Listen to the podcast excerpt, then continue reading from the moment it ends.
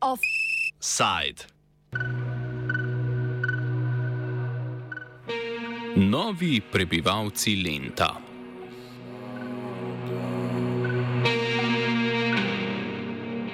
V tokratnem offsajdu se podajamo v Maribor, kjer so prebivalci mesta dobili nove someščane. V začetku novembra so mimoidoči sprehajalci na Lentu opazili podrto, mlado, nedavno zasajeno vrbo. Videti je bilo, kot da bi jo nekdo posekal, a se je kmalo izkazalo, da so zločin zakrivili bobri. Ti so se na desni breg reke Drave, sploh v bližino železničarskega mostu, naselili že pred slabim letom dni. Na prvi pogled je nekoliko čudno, da so se bobri naselili ravno v Blentu, torej v obljudenem okolju. Bobri so namreč plašne živali in se navadno umaknejo stran od ljudi. Ustanoviteljica in idejna vodja inštituta Lutra Marjana Henigsfeld Adamič pa pojasnjuje, da izbira desnega brega Drave ni tako nenavadna. Ja, načelno Bober je plaha žival, se umakne ljudem, če jih opazi, ampak uh, počasi mu pri nas že zmanjkuje tistih optimalnih življenjskih prostorov, optimalnih habitatov in prihaja bliže ljudem to je tudi lent ne, v Mariboru. E, reka mu ustreza, brežina očitno tudi. E, zdaj pa, če so tam ljudje, pa če ni v konfliktu z njimi, če ljudje ne povzročajo nekih težav ali pa ga preganjajo, se jih navadi in uh, enostavno živi z njimi. Tako da očitno je, so Mariborčani precej lepo sprejeli tega prišleka, mu ni hudega tam in je se pač naselil. Eh, ni nujno, da se bo tudi zadržal. Bobar poskuša naseliti nove prostore in eh, opazuje, ali mu tam okolje ustreza ali ne.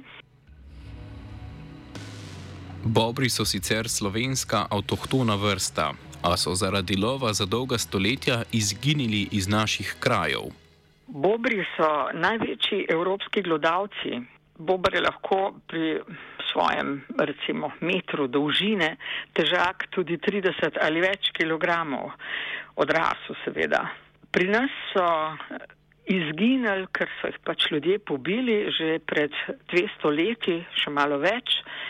In od takrat smo zgubili stik z njimi. Medtem se je zvrstilo že kar nekaj človekovih generacij, ki so pozabile na Bobra, ker ga pač niso srečale.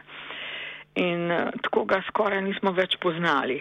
Zdaj pa se je v novejšem času, pa se je Bobar vrnil, pred 20 leti približno, in sicer z Hrvaške, kjer so ga naselili na območju Žutice, to je v Posavini, ob Savi seveda, in uh, ker Bobar večinoma raziskuje nova območja po reki navzgor proti toku, se je precej hitro vrnil v Slovenijo. Plavali so torej proti toku v Savi in zavili levo v Krko. In eh, Krka pa je kot naročena za bobre. Zelo dober naravn habitat, tudi lepo je še ohranjena. In uh, prvič so jih uh, kolegi zaznali na rečici Raduli. Nadalje Adamič pojasnjuje, kakšno okolje je primerno za te glodavce. Krka, recimo, kot sem že omenila, je kar optimalna reka za bobra, gre pa tudi v manjše, torej v pritoke, recimo.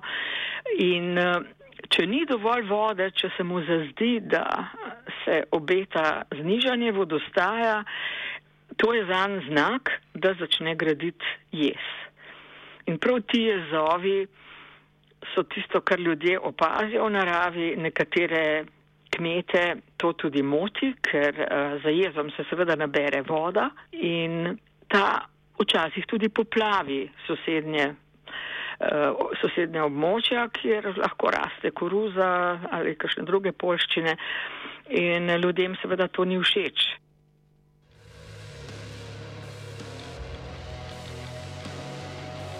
Bobri prostore, v katerih živijo, izbirajo tudi glede na hrano, ki jim je v določenem habitatu na voljo. Kako, bobri, kako se bobri prehranjujejo in kako to vpliva na menjavo njihovega življenjskega prostora? Ja, bobar je vegetarijanec, lahko rečemo v današnjem jeziku, eh, celo vegan, torej je rastlinsko hrano, izključno, tako kot gledalci sploh. Ima pa zelo, zelo močne glodače, tako imenujemo prednje sekavce, prednje zobe, eh, ki mu neprestano rastejo. To je pač prilagoditev, da njegov način življenja eh, s, s temi zobmi gloda in, in obdeluje veje, drevesna debla in tako naprej.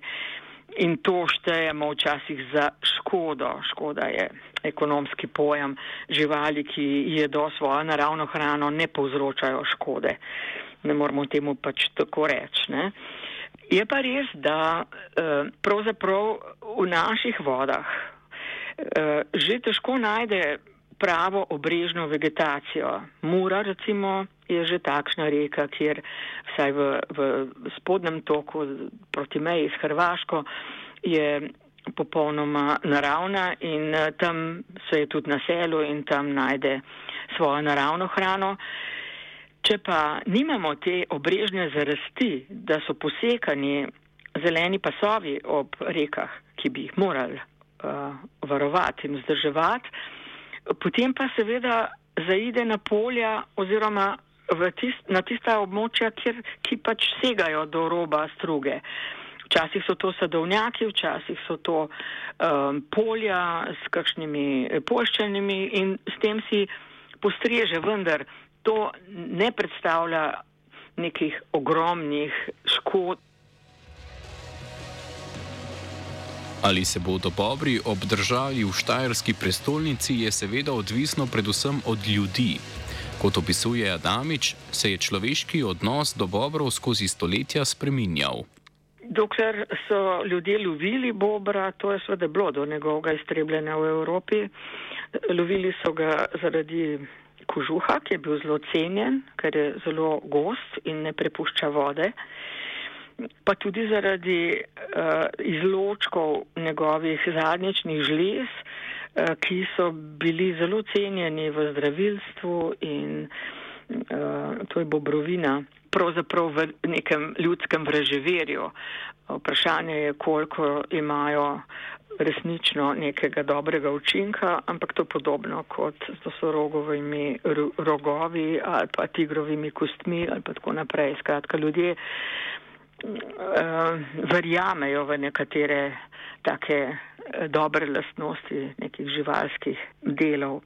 No, to je bil razlog za iztrebljenje, torej takrat so ljudje gledali na bobra kot na svoj plen. Potem je izginil, eh, smo ga zgubili iz zavesti, večkrat rečem, da je izgubil svoj socialni habitat. Ne? Ljudje pač so pozabili na njega. Zdaj, ko se vrača, je pa pravzaprav na nas, eh, biologih, naravovarstvenikih, da mu pripravimo skupaj z ljudmi dobrodošlico.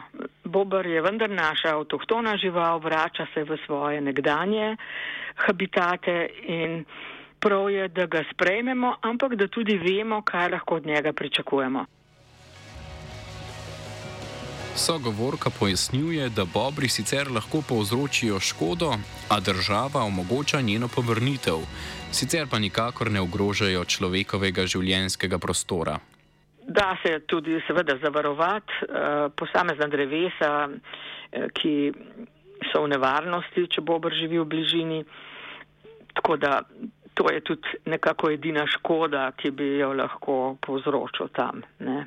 Včasih zamaši kakšne prepuste, kakšne cevne prepuste pod cesto, ampak tudi to je rešljivo. Če smo nekako razmišljamo skladno z njegovim življenjem, eh, lahko tudi živimo na ta način. Bobre že dal časa spremlja novinar, zgodovinar in lovec Stanislav Kocutar.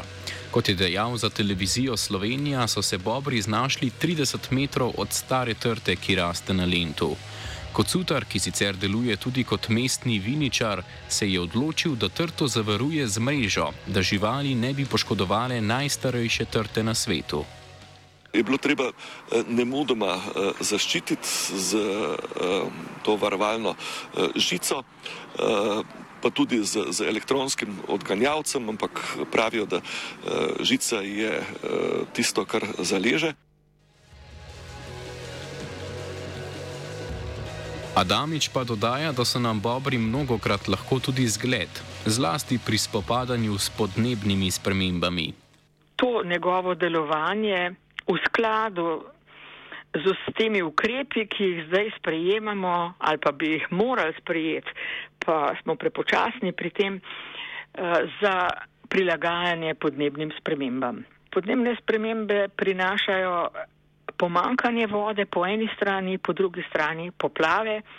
Bobar je pa ravno tisti ekosistemski inženir, ki to zna na naraven način uravnavati. Za, za jezovi se seveda voda ustavi, ampak treba je povdariti, da te jezovi niso enaki, niso primerljivi z jezovi, ki jih gradimo mi ljudje iz betona, recimo za hidroelektrarne ali kaj podobnega.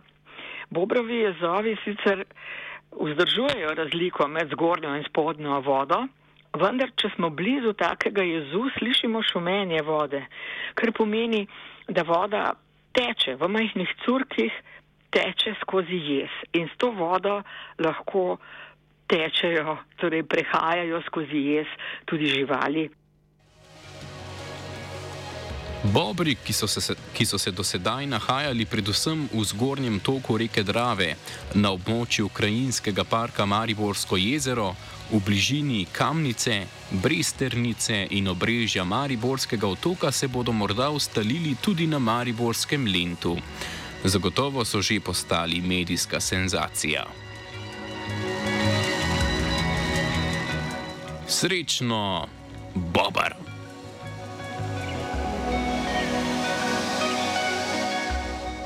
Nad Bobri je navdušena Tija. Off.